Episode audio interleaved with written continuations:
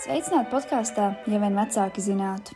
Mani sauc Valērija Sārmus, un šajā podkāstā es jums uzbūšu realitātes ainu par to, kāda ir dzīve ASV latviešu studentam, dzīvojot tur un strādājot. Nevis vienkārši strādājot, bet gan strādājot door-to-door sales, jeb šo pārdošanā no durvīm uz durvīm. Un šī ir pirmā epizode. Es šobrīd atrodos Rīgas lidostā, un jau šovakar atradīšos Amerikas Savienotajās valstīs. Es vēlētos jūs paņemt līdzi savā ceļojumā, lai jūs izbaudat to, kam es eju cauri, esot Latvijas students, atrodoties ASV un strādājot. Kā es šeit nokļuvu? Jūs noteikti esat ļoti daudz studentus dzirdējuši par tādu programmu kā Southwestern Advantage. Man uzrunāja, un uh, es kā cilvēks, man patīk jauni piedzīvojumi, jauni izaicinājumi. Es domāju, jā, es gribu braukt turien, es gribu sevi izaicināt. Tā es izgāju sešu mēnešu apmācību. Un uh, vispār godīgi atzīšos, pēdējais mēnesis, respektīvi maijs, ir bijis ļoti smags. Esmu ļoti daudz pārdzīvojusi, ļoti daudz domājusi, vai man šo visu vajag. Uh, Pēdējās dienas esmu bijusi tā kā uz adatām, ļoti emocionāla, un pat šobrīd paliek ļoti emocionāla, jo tie trīs mēneši, un es nekad dzīvē neesmu bijis tik ilgi no mājām, un apzinoties to, kad uh, es būšu otrā pasaules malā pāri okeānam, prom no saviem mīļajiem, tojiem cilvēkiem, būs ļoti grūti. Kāpēc arī ierakšu audio stāstu? Ir iemesls tāds, ka man nebūs īsti iespējas komunicēt ar savu ģimeni. Tā kā es strādāju šajā programmā Southwestern Advantage, ko mēs darīsim, mēs pārdosim grāmatas door to door selling. Tas nozīmē, ka es 12-13 stundas strādāšu, staigāšu pa karstu vietu. Es dzīvošu Teksasā, Houstonā, kas ir ļoti karsta vieta. Un, jā, šīs 12 stundas lielajā karstumā, apmēram 35 grādi, es staigāšu no durvīm uz durvīm pārdošu izglītojušās grāmatas ģimenēm, kuriem tās ir nepieciešams un kuriem rūp viņa bērnu izglītība. Lai vasara būtu izdevusies, ir jāatsakās no ļoti daudz lietām, un tajā skaitā tie ir sociālai tīkli un saziņa ar ģimeni. Sazināties ar ģimeni mēs varam tikai svētdienās. Un, uh, jā, tā kā man ģimene vienmēr man bijis tās galvenais atbalsts, tāpēc es domāju, ka būs grūti, bet es ļoti gribētu braukt mājās, kā daudz spēcīgāks cilvēks nekā es esmu šobrīd. Un uh, es ceru, ka mans piepildīsies, un es ceru, ka es sasniegšu savus lolotos mērķus.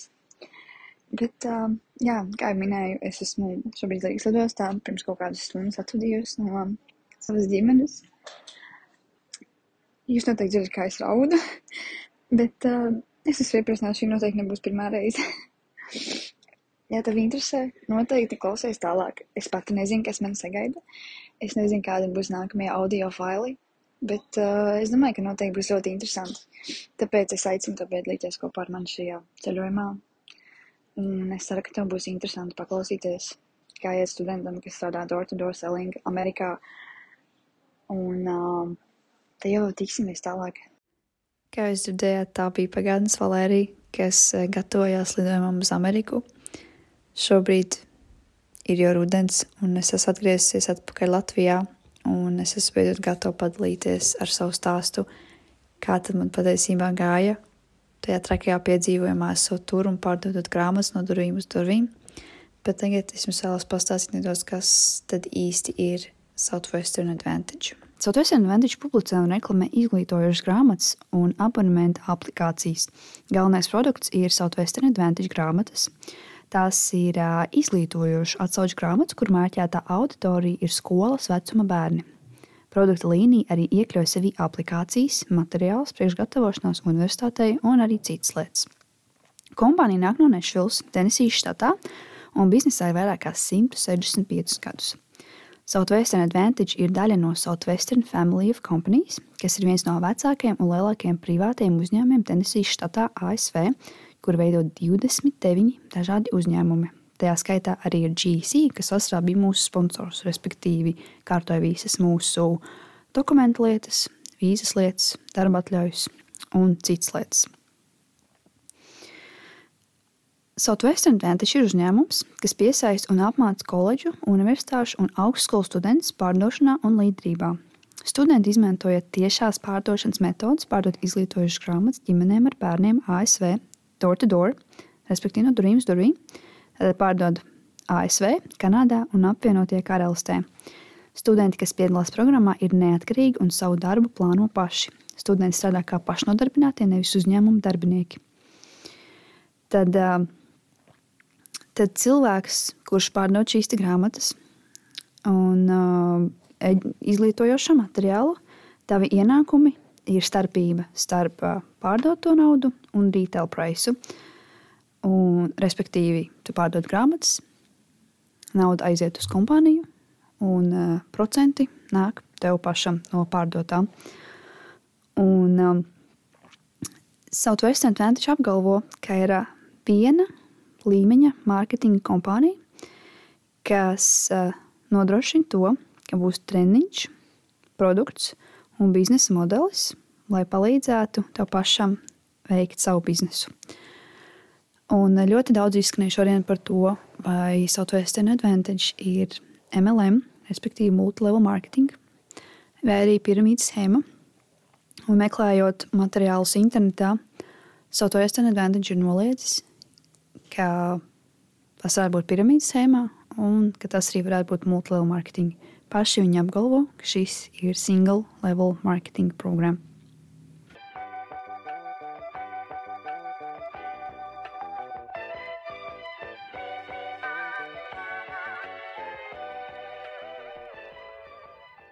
Šajā epizodē es esmu uzaicinājusi sev ļoti labu un to draugu ar kuru mēs kopā devāmies šajā trakajā piedzīvojumā.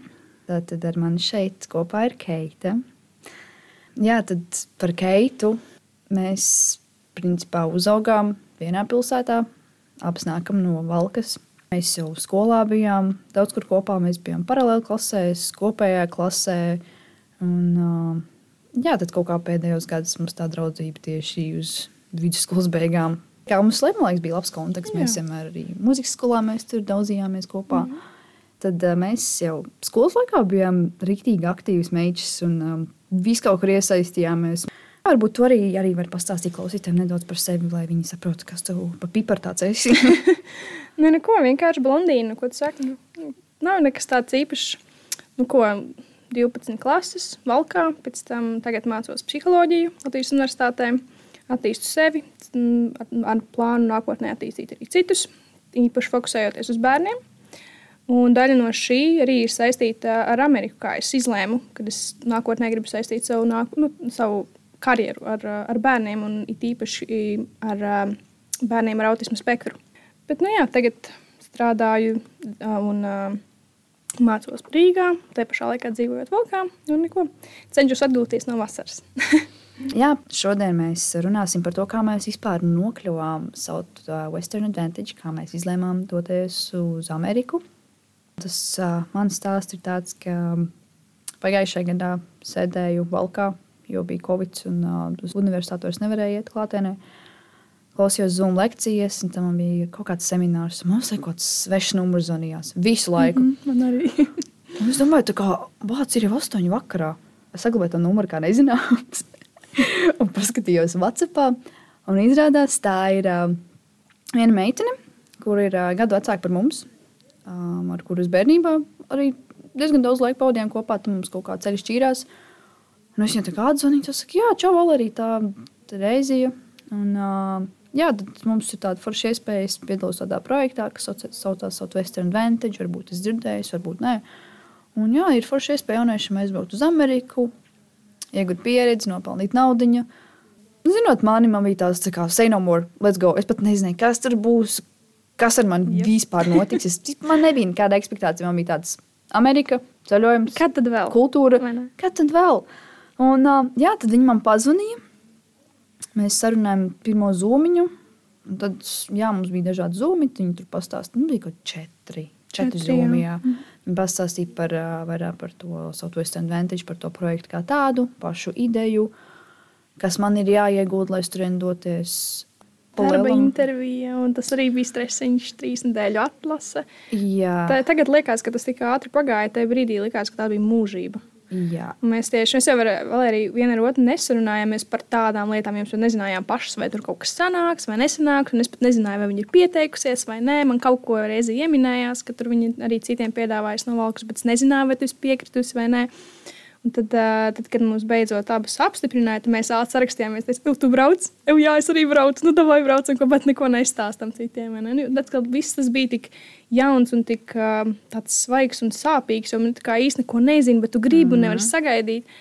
Un tas tā kā, nu, negribu tie dalīties, jo tu nezini, vai notiks īpaši ar to visu covid ņemot vērā. Tur Jā. Neko tu nevarēji pateikt, un vīzas un tā tālāk. Tad mēs tā pakluso sarakstījāmies, un nu, vai braucam kopā. Jā. Nu, bija tāds, tā kā, jā, uzrakst skaitai. Es viņai uzrakstīju, pasaka, jā, es braucu, man tāds.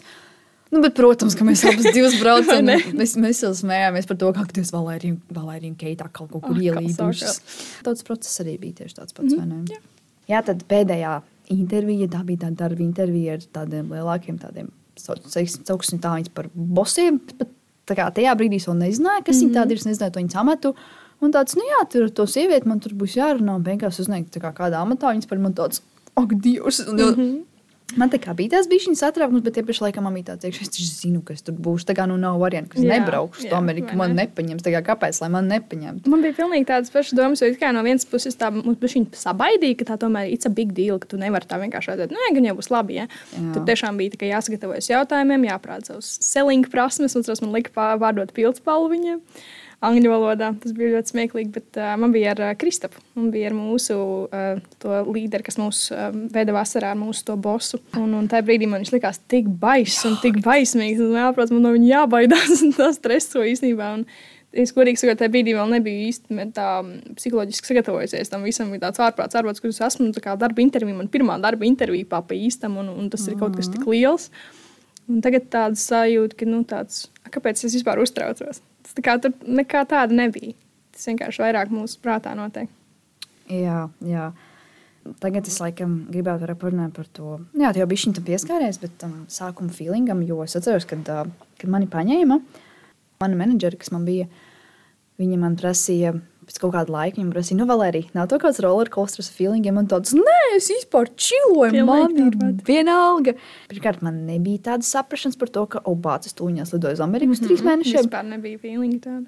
Un otrkārt, man bija tāds, nu, jā, es esmu kaut kādā tur projektā, tur eju uz visādiem treniņiem, bet man nebija vispār nekāda kā, sajūtas, kad es kaut kur, man joprojām īstenībā atlidot atpakaļ, man nav tāda, tā kā, man bija sajūta, ka kaut kas ir savādāk, bet man nav bijis sajūta, ka es nodzīvoju Amerikā. Tad, principā, kad pieņem tajā projektā, tu nevari vienkārši tā kā tāds nezinīts aizbraukt ne uz Ameriku, domā, aķi, pasaies.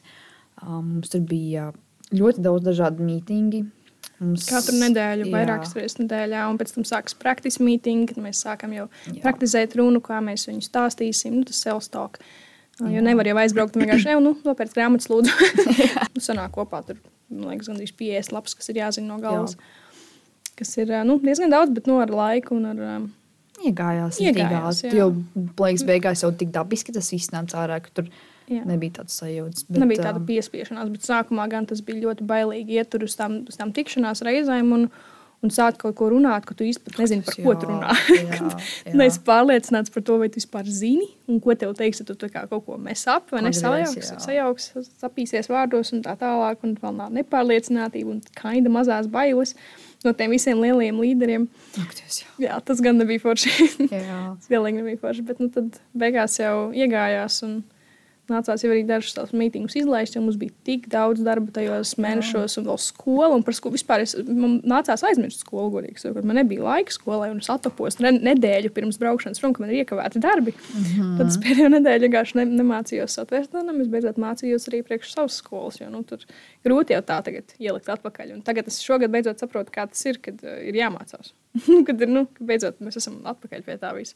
Jo tas pusgads pagāja tā tādā murgā, godīgi sakot. Un tas rollercoasters, kaut arī mēs teicām, ka viņš nav, es tagad tā atceros, bija gan. Mēs vienkārši negribējām, lai viņš ir. Nu, Man vismaz viņu vienkārši nepieņēmu. man Jā, šķiet, man liekas, izstūmām. varbūt man nebija tā kā rollercoasters, man bija vairāk stress. Pašā sākumā, pirmos divus, trīs mēnešus, bija tā, ka mums nedēļā bija divi vai trīs mītīņi. Jo bija tā, ka katru nedēļu mums bija, first, kā mēs bijām first year, kas brauc pirmo gadu Un uh, katru nedēļu, vienreiz nedēļā mums bija uh, uz stundu Zoomā first year meetings. Katru otro nedēļu mums bija kopā visai uh, mūsu tapno bāzi. Tas ir kā, nezinu, liela kopiena, kas saucas Europe One, kur arī ir Igauni.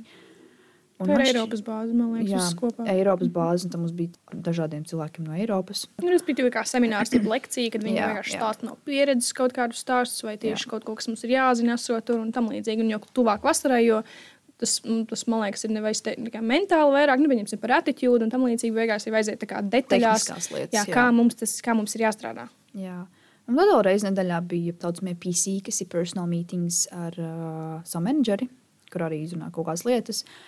Mājas jā. darbi, to mēs nevaram Jā, aizmirst. Tas tiešām ļoti daudz mājas darbi, Jā, lai ir, sagatavotos. Un Jo vairāk tu sagatavojies, jo labāk tas tev ietekmēs vasaru. Tā pašā laikā kaut kādā veidā viņš ir jāizsver prioritātēs, jo ir arī citi darbi, kas ir Jā, jādara. jā. Varētu it kā visu sevi atdot tiem tam, nu, visām mājas darbiem un visām lietu pildīšanām un tā tālāk. Bet man liekas, ļoti svarīgi pieminēt tas, ka tu nevari braukt šajā piedzīvojumā, ja tu neesi students. Tur ir obligāti jābūt, Jā. jā. jāstudē. Ir. Un kā to visu apvienot, un, un īpaši, ja vēl tas neiet īsti kopā ar veselību, piemēram, kā man psiholoģija un veselība, nu, labi, mentālā līmenī iet kopā, bet tādā veidā, ko es tur no viena no otra varu paņemt, nu, neko daudz. Un, uh, tas nu, nācās like, sadalīt to savu ikdienu un, un sadalīt mm. to savu prātu, kam es fokusējos vairāk. Un kādu laiku arī bija tā, ka Sautvests nāca pirmajā vietā. Un tagad man īstenībā atpakaļ domājot, tam tā nevajadzētu būt. Man liekas, ka tieši manām, manās- manām mācībām būtu jānāk pirmajā vietā. Bet tā tajā brīdī likās, viss tik exciting. Mēs tūlīt braucam, mums ir jāmācās, kā es vispār kaut ko izdarīšu, es nemācīšos. Un gribas arī parādīt sevi no labās puses, ka esmu gatava kaut ko sniegt šai kompānijai un mūsu komandai. Bet, nu, kā tas beigās ietekmēja skolu, es neteiktu, ka labā ziņā. Jā, nu, man šķiet, tas viss ir par tavu laika plānošanu un visu. Jo īstenībā arī Saucamā stenā ļoti daudz runā par time management, par to, kā plāno savu laiku. Jo neteicu, tas ir to Google kalendāru, kas tagad ir mans labākais draugs joprojām. Mm -hmm. Jo tur es Tieši tā. tiešām plānoju savu laiku burtiski pa minūtēm. Es pat plānoju mm savu atpūtu, jo es tiešām zinu, to, ka man ir produktīva saplānota diena. Bet, uh, jā, es to piekrītu, jo man, man atkal bija tā, ka uh, sākumā es arī pievērsos uz Southwesternam, tad es jūtu, ka, jo ar, ar katru mēnesi intensitāte mītīņiem auga un auga un auga. Jo uh, pēc tam pavasarī mums sākās jau klātienes. Uh, Klātienes tikšanās vairs nebija zūms, jo tad jā, tas Covid jau bija nomierinājies. Mums sākās praktiskie mītīņi, kas bija otrdienās, septiņos no rīta. Mm. Tad mums vēl bija tie visi first year mītīņi klātienēs, un tad mums vēl tur bija pa vidu vēl kaut kādi mītīņi, un, un, un, un jā, tad tā intensitāte sāka kāpt. Un tajā brīdī man parādījās stress, un tad man bija tā, ka es redzēju to, ka tu esi rītīgi intuitīvā visā, bet es negribēju ļaut savu vesternam ietekmēt man, man kā universitātes dzīvi. Es gribēju būt veiksmīga vasarā, vai ne? Es gribēju kā atdoties visu, bet es negribēju, lai tie mītīņi ietekmē manu produktivitāti augstskolā, pēc kad man augstskolā ir tīpaši pavasara semestrī. Man bija tik nenormāli daudz darba, jo tas, kā tu saki, nedēļa pirms tam lidoju projām, sapratu, ka tev daudz parādi. Divas nedēļas pirms es lidoju projām, man bija kaut 11 darbi 14, man liekas, tu teici. Es īstenībā vairs neatceros. Varbūt man bija... bija- pat vairāk. Es Jā, atceros man to bija- 14, kad tu man teici, beidzot ir tikai 14, un ir tikai. Jā, man tur bija kopsavilkumi, man tur bija referāti, podkāsti, kaut kādi video materiāli jāstājas, un tad tur vēl kaut kādi mazie darbiņi. un Tad... Tas bija rītīgi traki, jo man vēl bija mana zemesardze, kurus regulāri braucu uz kursiem, un reizē mēnesīs uz nedēļu vienkārši aizbraucu uz mežu, izkritumu no visiem, un tagad es atbraucu no tā meža, atnāku uz mītingiem. Jūs esat jau, es nezinu, čet- četr- 40 lapus uz priekšu, un vienkārši man tāds, what the fuck? Ko es daru šeit? Ko es vispār daru? Jā, es atceros to brīdi. Man liekas, ka tieši tas, kad es tajā visā ierubos tik ļoti iekšā un atstāju to skolu novārtā, ir tas, ka man es negribēju atzīt, ka man īstenībā ir bail par to, kā man tur ies. Un es ne, negribēju domāt par to, vai būs labi, vai būs slikti un stresot. Es vienkārši, ai, nu labi, ja jau es, ja es darīšu šito, tad jau būs labi. Vispār tā arī viņi solīja. Man tā, vismaz tas bija tas, kā es to sapratu, jo es vairāk darbu ieguldīšu, jo labāk man ies vasarā. Bet tajā, man liekas, no tajā visā es nepaņēmu no tā viņu skaidrotā to, ka uh, arī mentāli man ir Jā. jāstrādā pie tā. Un tas, tas droši vien arī mani salauza, jo es ļoti fokusēju uz to, uz tieši to praktisku, kā es to daru, visu izkopt perfekti. Un, manuprāt, man arī sanāca ļoti labi tajā pašā brīdī, kā, kas man galvā notika. Par to es visu laiku atgrūdu. Es visu laiku tā kā, nu, kā tik tālāk no savas galvas. Un, un tas arī beigās bija tas lielākā, tā lielākā problēma, ka es pati nebiju sapratusi, vēl, kas manā galvā notiek. Un īstenībā pat līdz pat šim brīdim es joprojām nezinu, kas manā galvā notiek. Jā. Un tas šī, šī vasara vienkārši pierādīja to, ka man beidzot ir jāsāk domāt par sevi un par to, kas nu, jāpievēršās sev. Exactly. Tieši. Man ļoti īstenībā patika tie mītīņi, jo viņi tiešām viņi nerunāja par to, ka jums ir jāpārdod, jums ir jābūt par labākiem mm -hmm. salespeople. Palielam, pirmos bija mēnešus viņi runāja tikai par savu mentālo attitūdu, tiešām lietas, kas tajā patiesībā nodara dzīvē, nevis tikai mm -hmm. vasarai. Godīgi sakot, tajā brīdī mēs to neuztvērām nopietni. Man liekas, nē, nebija tā, ka mēs Ne tik- nē, neuztvērām, mēs runājām Mēs sapratām, bet to. mēs nesapratām līdz galam, ja mēs vēl nebijām tur bijuši. Un man liekas, ka tieši, ja mēs būtu par to attitūdu vairāk runājuši tieši pirms vasaras vai arī savas skolā, mēs arī runājām. Bet tajā brīdī bija tāds adrenalīns, kas man negribēja to uzņemt informāciju. Es dzirdēju, es viņu sapratu, un viss bija pierakstīts. Bet Es beidzot to sapratu tikai pirms pirmās nedēļas, kad es sāku strādāt. Kas ir attitūda? Zini, kā man atkal šķiet, man šķiet, ka mēs abām ir tā lieta, ka mēs itī daudz sagrāvjamies visu. un Tad mēs stresojam, un tāpēc arī mēs varbūt mentāli arī nebijām gatavi. Nu, es es ļoti cīnos ar overthinkošanu, un anxiety vai ne. Un Un Tas viss iznāk dubultā vasarā ārā. Jā, nenormāli. Oh, tas ir pilnīgi cits stāsts vispār domāt. un Man ir grūti personīgi atcerēties vispār tās visas dienas, tās pirmās nedēļas un vispār mm. -hmm. vasaru kā tādu. Es nesen stāstīju savam draugam, kā mēģināju pastāstīt par vasaru, kā tas īstenībā bija. Nevis to, ka mēs tur vienreiz nedēļā nepastāst. Bieži jau saka, tā, ka mēs neatceramies tieši to momentu, kā, kā, mēs, kā, kā tas notika, bet mēs atceramies to, Tas emocijas. tās emocijas, to feeling, kā tas bija. Un atceroties to, uzreiz ir asars acīs, un uzreiz gribas vienkārši pazust no tā visa. Jo tajā brīdī arī tā likās, gribas vienkārši pazust. Īpaši pirmās dažas nedēļas tas bija, man liekas, grūtākās manā dzīvē, es varētu pat tā teikt. Jā, Jo nu, kaut, ko, viegli. kaut ko tādu pieredzēt un nebūt tam gatavam, arī cik mēs, mēs reāli gatavojāmies tam. Pusgadu mēs tam gatavojāmies. Un es joprojām varu teikt, ka es nebiju tam gatava. Tad cik Mhm. ilgi cilvēkam būtu jāgatavojas tā, lai mentāli tam visam sagatavotos? Man liekas, tas ir arī atkarīgs no, no paša cilvēka. Jo es arī Noteikti. jūtu, ka nu, es mentāli varbūt arī īsti neesmu gatava. Jo es arī kā tu sapratu tās visas lietas, un man tiešām ļoti patīk, ka mēs runājam par time management, mēs Ļoti runājam labi. par attitude, mm -hmm. Tas nebija izmests laiks, miskastē. Tas, Tas bija reāli nebija. noderīgi. Un joprojām ir noderīgi. Mēs to neesam aizmirsuši. Un joprojām es daudz sekoju cilvēkiem, kurus tur piedāvāju, kā tādus coachingus un, un kā tie reāli stāsti ne tikai par Southwestern, bet par dzīvi kā tādu. Un joprojām ir interesanti paklausīties, pastīties, kaut ko uzzināt jaunu. Tas bija noderīgi. Tas nevar teikt, ka tas mm -hmm. kaut kas tāds, ko varētu mest miskastē. Ne? Vai ne? Jā. Es arī teiktu, ka uh, varbūt mentāls arī, jo es atkal biju tik daudz lietas sagrābusies. Man bija universitāte, es biju studiju gadu vecākā, aprīlī vēl kļuvu par fakultātes domnieku. Tad jau tā visa zemesardze, kuras regulāri pazuda un izkrita gan no universitātes dzīves, gan arī no tā paša Southwestern. Tad vēl tie paši Southwestern mītīņi, kas bija ļoti daudz. Un tad vēl es uh, vien, vien, vienu dienu tā izdomāju, ka aizsēt aizbraukt ar Erasmusā un aizbraukt uz Čehiju uz 11 dienām. Vienkārši pazudu prom no visiem, lai attēlpotos, kas bija īstenībā ļoti noderīgi, bet arī bija šī sagrāva, jo es atkal iekavēju darbus mm. universitātē. Bet, nu, es veiksmīgi ar to tiku galā. Jā, man liekas, mēs sajūtāmies atkal kā vidusskolā. Tas Jā. bija, tas bija stresful, un tur mēs atkal ņēmām visu, ko, ko tik dzīve deva, vai ne? Visu ķērām un grāvām, jo nu, tādas iespējas nestrādāt, domāt tikai par to, kas ir nu, skolā, mums tādas vairs nebūs. Un, jā, tā arī bija, tagad bija pilnīgi savādāk tā sajūta, ka tu esi skolā, tajā pašā laikā tu dari pilnīgi ko citu. Un mēs vēl atceries, runājām par to, ka vajadzētu darbu dabūt. Nu, tā pirms vasaras sakrāt naudu. Un es vēl strādāju SOSā, kas ir uh, savs bērnu ciemats, jā, kas ir um, tāda labdarības organizācija, kurā tieši savus vestern jauniešus iesaist, lai trenētos vasarai, lai uh, uzrunātu cilvēkus un veikalos, un lielveikalos, vai durvīm uz durvīm, vai arī tele, tele, zvanot. Telemarketingu izmantojot, uh, vāc ziedojumus priekš uh, bērn, bērniņiem, kas dzīvo šajos bērnu ciematiņos. Un, godīgi sakot, es nezinu īstenībā, kāpēc. Es, es biju forši pamēģināt, bija forši saprast, vai kaut kas tāds man interesē un patika. Bet es nesaprotu, kāpēc es sevi, kāpēc es sevi neieklausījos. Jo arī tas darbs man īsti neuzrunāja. Un kā jūs to novēlu īstenībā uz to, ka uh, man vienkārši nepatīk tā pati doma. Jo man ļoti daudz cilvēku arī nāca klāt un teica, ka tas ir pilnīgi, nu, pilnīgi smuļķības, tā es neko neziedošu, ka es nezinu, kur tā nauda aiziet. Un I got in my head. Es, tam, es sāku domāt kā tie cilvēki, un to nedrīkst darīt. Tad viss sabrūk tā ticēšana tam darbam.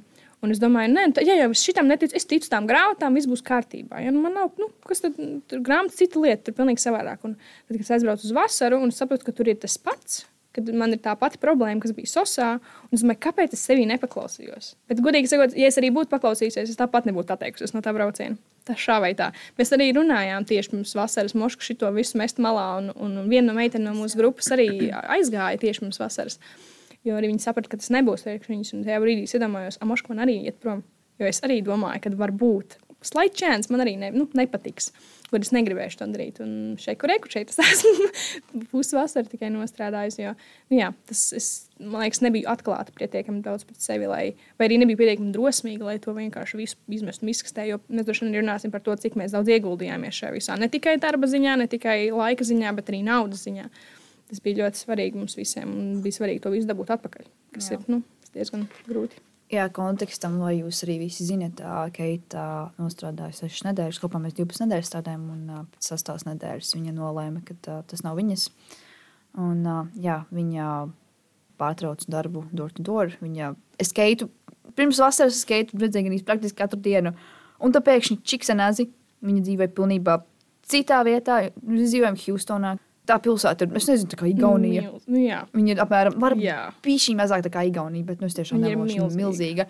Un man liekas, tu dzīvo kaut kāds 50 km no manis. Jā, plus mīnus.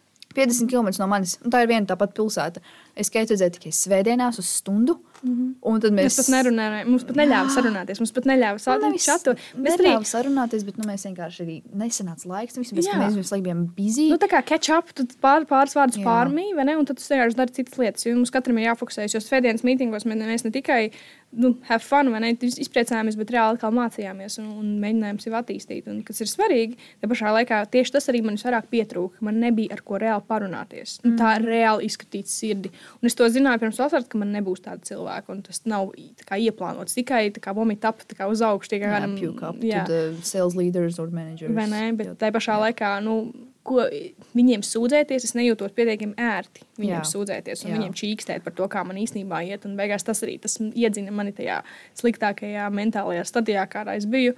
Jo man vienkārši nebija, kur likties. Es esmu pieradis, mēs ar draugu par visu runājam. Es visu izskatu, visu sirdi, man ir mans cilvēks. Un es arī nedrīkst, nu, nedrīkstēju, bet nu, tas nebija ieteicams, ja es ar viņu runāju attēlināti. Jo, nu, viņš tāpat neko nevar izdarīt. Un, exactly. Tur paliek. Un, un kāda jēga viņam kaut ko stāstīt un čīkstēt. Ja, nu, tur nekas nemainīsies. Bet, nu, jā, es iesprūdu tajā visā. Un es nebiju atkal līdz galam sapratusi, kā tas īstenībā vasarā būs un apspriedusi to lietu ar sevi. Es biju tik excited par Ameriku, kad, kad vēl es aizbraukšu uz Ameriku, ja ne tagad. Kad es aizmirsu padomāt par sevi kā par cilvēku, nu, kad man būs grūti tur, un ko tas vispār nozīmē braukt uz Ameriku, pārdot grāmatas. Jā, jā, es arī piekrītu, jo kā mēs pirms tam minējām, mēs neaizbraucam būt ar to labāko mentalitāti uz Ameriku. Nav jau tā, ka mums aizliedz, tu vari darīt vasarā, ko tu mm -hmm. gribi, tas fajn, bet viņi vienkārši mums arī teica, ka tā kā mēs esam labs draugs, mēs nedzīvosim kopā, tāpēc, ka ir pierasts viens otram čīkstēt, un mēs to čīkstēšanu novilksim uz leju. Un mums arī neieteica zvanīt uz mājām un draudāt, jo pirmkārt, tas neko neizdarīs. Tev vecāki tāpat to nepalīdzēs, jo viņi bija 8000 km attālumā.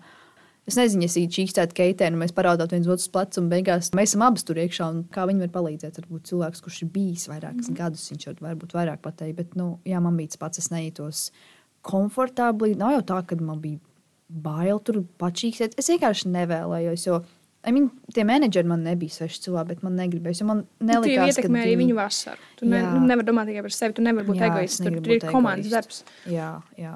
Tāpēc jā, es arī diezgan daudz ko turēju sevi. Es atceros, ka es arī svētdienā sazinājos ar savu puisi, un viņš jau saka, vai kaut kas nav. Es saku, nepievērš man uzmanību, liec man mieru un stāst, kā tev gājuši šodien. jā, labi, mums tā kā laiks iet jau uz beigām, bet nu, man ir palikuši pāris punktiņi. Bet jā, tu jau arī tam arī tu pieskāries uh, par uh, finansiāliem izdevumiem pirms vasaras. Tad šis jā. prieks nav pa brīvu. Sāpīgi. Un uh, arī kāpēc kompānija mums neapmaksā, jo kompānija vēl nav uz naudu, vai ne?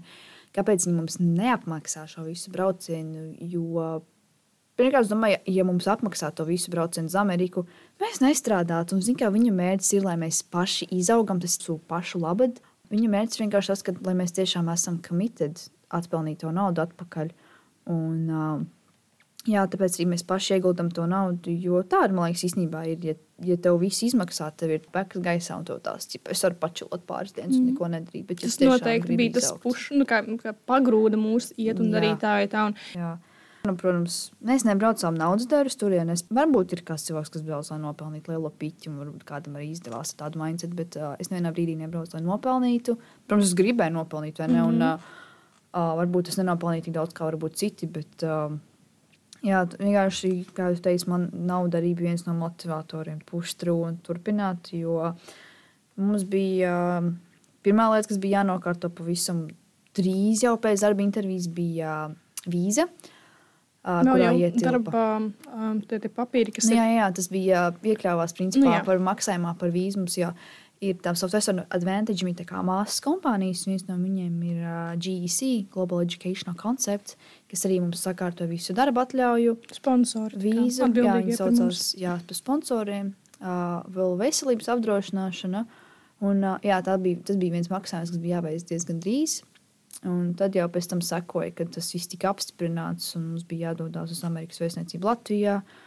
Tur bija čakars ar to visu pieteikšanos vīzas procesam. Es viņai atradu dabūju vīzu kā keits, un es viņa rakstu ritīgi psihoju, un saku, man besīši tā mājaslapas nespat Amerikā, viņai vajag IT speciālistus, viņai vispār tā mājaslapa izstāsta, ka no 2001. gada un viņā vispār nevarēja norientēties. tas labākais, smieklīgais, tas es to izdarīju, man liekas, pusstundā.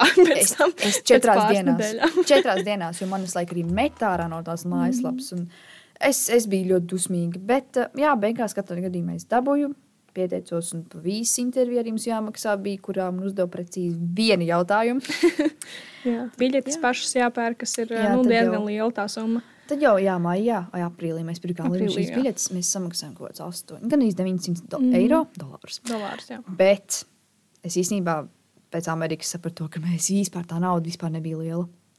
Man uh, cilvēki teica, to, ka ļoti daudz imigrantu mēs satikām. Cilvēki lido uz Indiju uz vienu pusi. Vienam cilvēkam 2000 dolāri. jā. Tad sasumēt kopā visus izdevumus un visas finanses, kas mums bija vajadzīgas, lai dotos uz Ameriku, mēs iztērējām pie diviem ar pus līdz pat trīs tūkstošiem, kā nu kurš. Un tad uh, finansēs un šajā te iztērētajā budžetā, kas mums bija vajadzīgs, lai dotos uz Ameriku, ietilpa tātad šī te vīzas vīzas iegāde, kurā ietilpa arī darba atļauja, kā arī veselības apdrošināšana, un tā mums izmaksāja 1295 dolārus, kas bija pats pats pirmais maksājums uzreiz pēc darba intervijas. Tad sekoja šī pati vīzas intervija, kas jau notika Latvijā, Amerikas vēstniecībā, un šī vīzas intervija maksāja 160 dolārus. Līdmašīnas biļetes mums sanāca kopā pa 860 eiro, gan arī kā 900 dolāri tajā laikā, kad vēl bija savādāks dolāru kurs un eiro. Un tad arī bija visi mazie pirkumi, kā vitamīnu komplekss, ko ņemt līdzi uz Ameriku, jo mums jau mūsu vecākie menedžeri minēja to, ka vasarā būs ķermeni nepierasta slodze, kas būs katru dienu. Tādēļ mums bija jāiegādās dažādi vitamīni, kuros ietilpa gan D vitamīns, gan multivitamīni, gan arī zivju eļļa. Uh, bija ļoti svarīgi arī iegādāties magniju, lai nesāp muskuļi. Un, uh, jā, par to mēs samaksājām kā nu kurš, protams, bet es apmēram kādus 50 eiro samaksāju par to. Tad arī, protams, mums bija jāiegādājas dažādi apģērbi, ko mēs varētu ņemt līdzi un kuros būtu ērti strādāt. Tad mēs gājām uz veikaliem. Es personīgi ļoti daudz iepirkos humpalās, jo es nevēlējos pirkt apģērbus tikai vienai vasarai pa pilnu cenu. Un uh, tad es nopirku dažādus krāklus un uh, apakškrāklus, kurus nesāt vasaras laikā. Un tā, tas man arī orientējuši bija kaut kādi 15 eiro. Protams, arī kaut ko sporta veiklos iep, iep, iegādājos, bet tie arī bija līdz 10 eiro pirkumi. Un uh, jā, tad arī mums bija jāpasūta uh, krākli, uz kuriem bija kompānijas logo, lai cilvēki redz, ka mēs pārstāvam kādu kompāniju, un arī 3000 gabali ar vizītkartēm. Uh, par krākliem vizītkartēm es, ja pareizi atceros, kopā samaksāju kādus 130 eiro, un tad man bija septiņi krākli ar kompānijas logo. Tie bija tādi tā kā polo krākli, un tad šīs te 3000 gabali vizītkartes.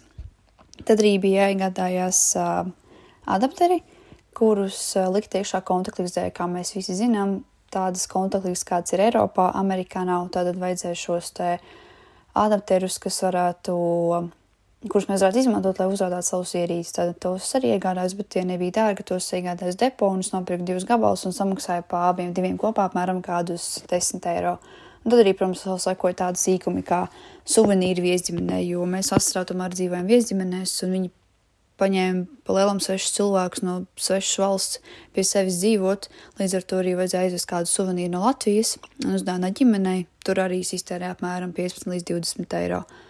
Un, jā, tad šie visi izdevumi arī sasumējās kopā. Protams, labi ir tas, ka tas nebija uzreiz tīpaši tie paši lielākie pirkumi, kas bija vīza, darba atļauja un veselības apdrošināšana un lidmašīnas biļetes. Viņam tomēr bija kaut kāds starpa, lai varētu paspēt iekrāt kaut kādu naudu. Un uh, arī par to visu samaksāt, nebūtu tā, ka vienkārši pilnībā viss ir uzreiz. Bet arī par izdevumiem. Uh, Es arī saviem vecākiem menedžeriem teicu to, ka būtu īstenībā forši, ja mums jau iesniegt to sarakstu, kas mums ir nepieciešams iegādāties vasarai, respektīvi visi multivitamīni, vis, nu, vispār visi vitamīnu kompleksi, visādi apģērbi, viss, kas mums ir jāiegādājas, lai mēs varam zinām to sarakstu, lai mēs zinām, kādu naudu mums vēl vajag orientēties un uz kādām lietām mums vajag vēl tēmēt, kuras mums vajadzētu vēl iegādāties, tāpēc, ka bija brīži, ka, ja tīpaši pašā, pašā, pašās beigās, tieši maijā, kad tuvojas, tuvojas vasara, un tad pēkšņi parādījās jānopērk tas, jānopērk tas, jānopērk tas, un man sākās stress, jo vajadzēja nopirkt vēl diezgan daudz lietas, bet viņas, protams, nebija lētas, un es, protams, arī meklēju vislētākos variantus. Un, jā, tas bija tas, ko es arī pateicu menedžerim, tas, kad vajadzētu bišķiņ ātrāk paziņot to visu, lai apmēram zinu, cik daudz naudu atlikt pirms vasaras, lai es varētu iegādāties vēl lietas, kas man ir nepieciešams, lai izdotos uz vasaru. Uh, Un, jā, un tad arī uz pašu vasaru mums vajadzēja pašā, pašā sākumā, ja, protams, sākumā mēs nepelnīsim tik daudz, kā mēs gribētu. Mums vajadzētu arī izdzīvot pašā sākumā, kamēr mēs neko nepelnām. Līdz ar to mums vasarā arī vajadzēja līdz apmēram uh, 900 eiro līdz 1000 eiro, tā lai mēs to pašu sākumu izdzīvot, jo arī pašā sākumā es atceros, es pirmajā nedēļā izterēju apmēram 400 dolārus, lielam ne par ko. Tādēļ Jā, arī mums vajadz rēķināties to, ka mums ir vēl vajadzīga līdz arī kaut kāda nauda, kaut kāds pamata kapitāls, ar kuru mēs varam izdzīvot Amerikā. Un, um, jā, tas sasumējoties kopā sanāk diezgan liela summa, kas ir vajadzīga, lai tomēr dotos uz šo te braucienu, un ar to arī jā, jārēķinās pilnībā visiem, kas plāno doties šajā braucienā, jo, ja jums tiešām nav tādas naudas, tāda būs grūti dabūt, lai tiktu uz šo braucienu un varētu vispār saorganizēt. Protams, man jāsaka liels paldies maniem vecākiem, kuri mani atbalstīja un kuri tiešām man palīdzēja ar to pašu, pašu pirmo summu, kas bija vīzas, vīza un darba atļauja un viss pārējais. Tur man palīdzēja vecāki, jo tajā brīdī uz sitienas tiešām nevarēja dabūt tos gandrīz 1300 dolārus, un viņi man tur palīdzēja. Pēc tam Lielāko daļu pārējos pirkumus es iegādājos pati, jo man bija arī pašai savi iekrājumi, līdz ar to es varēju arī parūpēties par to, lai nav tā, ka vienkārši vecāki man izpār pilnībā visu šo te braucienu, tad respektīvi man bija iekrājumi, pa kuriem es nopirku visu pārējo, kas bija vitamīni, apģērbi, vīzas intervija, apmaksāja pa savu naudu. Mums arī bija jāiegādājas planšetdatori, ko es arī neie, nepieminēju. Mums bija ļoti svarīgi arī, ka mums vasarē planšetdatori, un tiem, kam nebija, tiem arī bija jāiegādājas. Protams, es nepirku jaunu planšetdatoru, Un es uh, meklēju Facebookā, un tad es arī nopirku lietotu planšetdatoru par 160 eiro. To arī es iegādājos pilnībā pati par savu naudu. Šīs biļetēm man ir jāsaka liels paldies manai krusmātei, kas uh, man palīdzēja ar to, jo viņa man uh, tad bija jāmaksā 860 eiro, viņa man palīdzēja, viņa man uh, aizdeva 400 eiro, un tad pārējo visus pati nomaksāju. Tad uh, arī beigās arī sanāca tā, ka visu pilnībā pārējo, kā jau minēju, es parūpējos pati par tiem izdevumiem, es nopirku visu, ko vajadzēja pati. Un, uh, jā, bet atkārtošos vēlreiz, tie, kas tiešām grib braukt šajā braucienā, šajā piedzīvojumā, jārēķinās to, ka tiks iztērēts diezgan lielas naudas summas, lai varētu vispār tikt uz šo braucienu, jo uh, Tomēr lidmašīnas biļetes un vīzas tas ir pats pats pats dārgākais. Pārējās lietas, tās ir, es teiktu, tas ir strūns, to var iegādāties, tās ir ikdienas lietas, tas nav nekas tāds.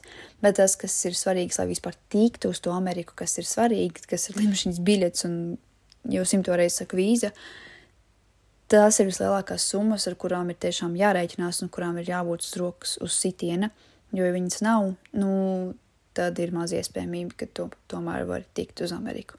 Es ticu, ka ka cilvēks vienkārši grib aizceļot uz Ameriku pats. Vienkārši aizceļot un izbaudīt, tas būs noteikti daudz lētāk, jo tur atkal izkritīs visas uh, šīs darba atļaujas, vai ne? Un tur ir tas principā tikai ceļojumam, un vīza nav nepieciešams trīs mēnešiem.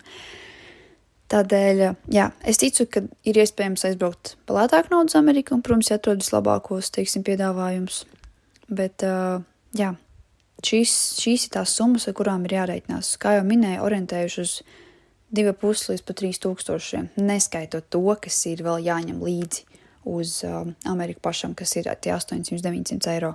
Tad neskaitot to, kas jāņem līdzi, orientējamies uz 3000. Ja jūs gribat arī sākumā normāli dzīvot, nu, tad uzreiz ir jāsaprot to, ka, lai tiktu uz Ameriku, tieši ar Southwestern kompāniju ir jāorientējās tieši uz apmēram 4000 eiro.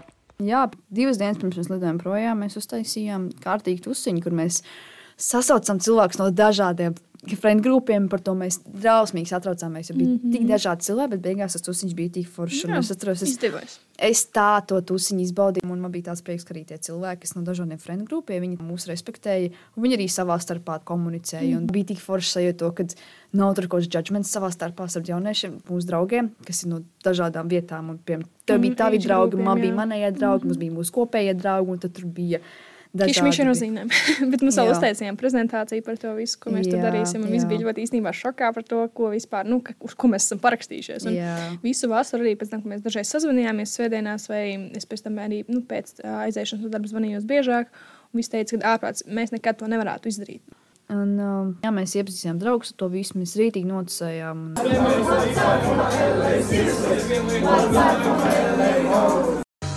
Un... Atstāj mīkiņu. Aizbraucu prom. Zini, Pat nedaudz. Bet um, jā, nācās atvadīties no draugiem, un tad jau mēs lidojām projām. Es dienu iepriekš krāpēju koferus, visu dienu draudāju. Atcerieties, mēs Pamodos. pāris dienas pirms mēs izbraucām, mēs satikāmies pie kultūras nama. Atceros, nu, vēl kā Jā, mēs runājām. Nu, es kaut, kaut, kaut ko no naudām tur vajadzēja darīt. Un pa- Braucām tur uz kartes, un kaut ko pat vairs neatceros. Bet uh, mēs vienkārši sēdējām mašīnā un sakām, ko mēs darām, uz kuriem mēs braucam, kas mums vainas. Mēs kā Jā. sākām sevi apšaubīt, un tas nebija jā, tas, labi nebija, mentālā. tas nebija labi. Tas bija ļoti slikti. ļoti Es, jā, es mājās jau nosodīju tik sliktā mentālajā pozīcijā, ka es dienu iepriekš mums lidojuma raudāju. Es visus pirmos divus lidojumus, es visus raudāju, trešos neraudāju, pēc tam vienkārši izslēdzos. Es kā iesēdos lidmašīnā, es nogulēju līdz nosēšanai, vispār neko neatceros. Es tikai pamodos, ka man cepumiņas deva izrautēji stūrte no rokas cepumiņas, turēja rokā un aizmiga ar viņiem piespiestiem pie krūtīm. Tad visa self school, kas mums bija Nešulā, to es arī noraudāju. Man tieši tā Um, brīdī bija pilnīgi pretēji. Es vispār to visu laiku vispār neraudāju. Es, nu, man liekas, Es nevienu reizi, ne, nu, tikai kad es redzēju tevi raudāt, man sanāca, nu, asaras acīs, bet es tā kā neļāvu sev raudāt. Ne Es sev skolā, ne tā. Un mēs aizbraucām uz, uz tieši uz tā kā Tes- Teksasu. Uh, to visu 13 stundu braucienu, visu dienu. Tas bija. Mm, jā, uh, aizbraucām uz turieni, un tad reāli es visu to, kas man bija sakrājies, pirmajā nedēļā, man liekas, izdevu.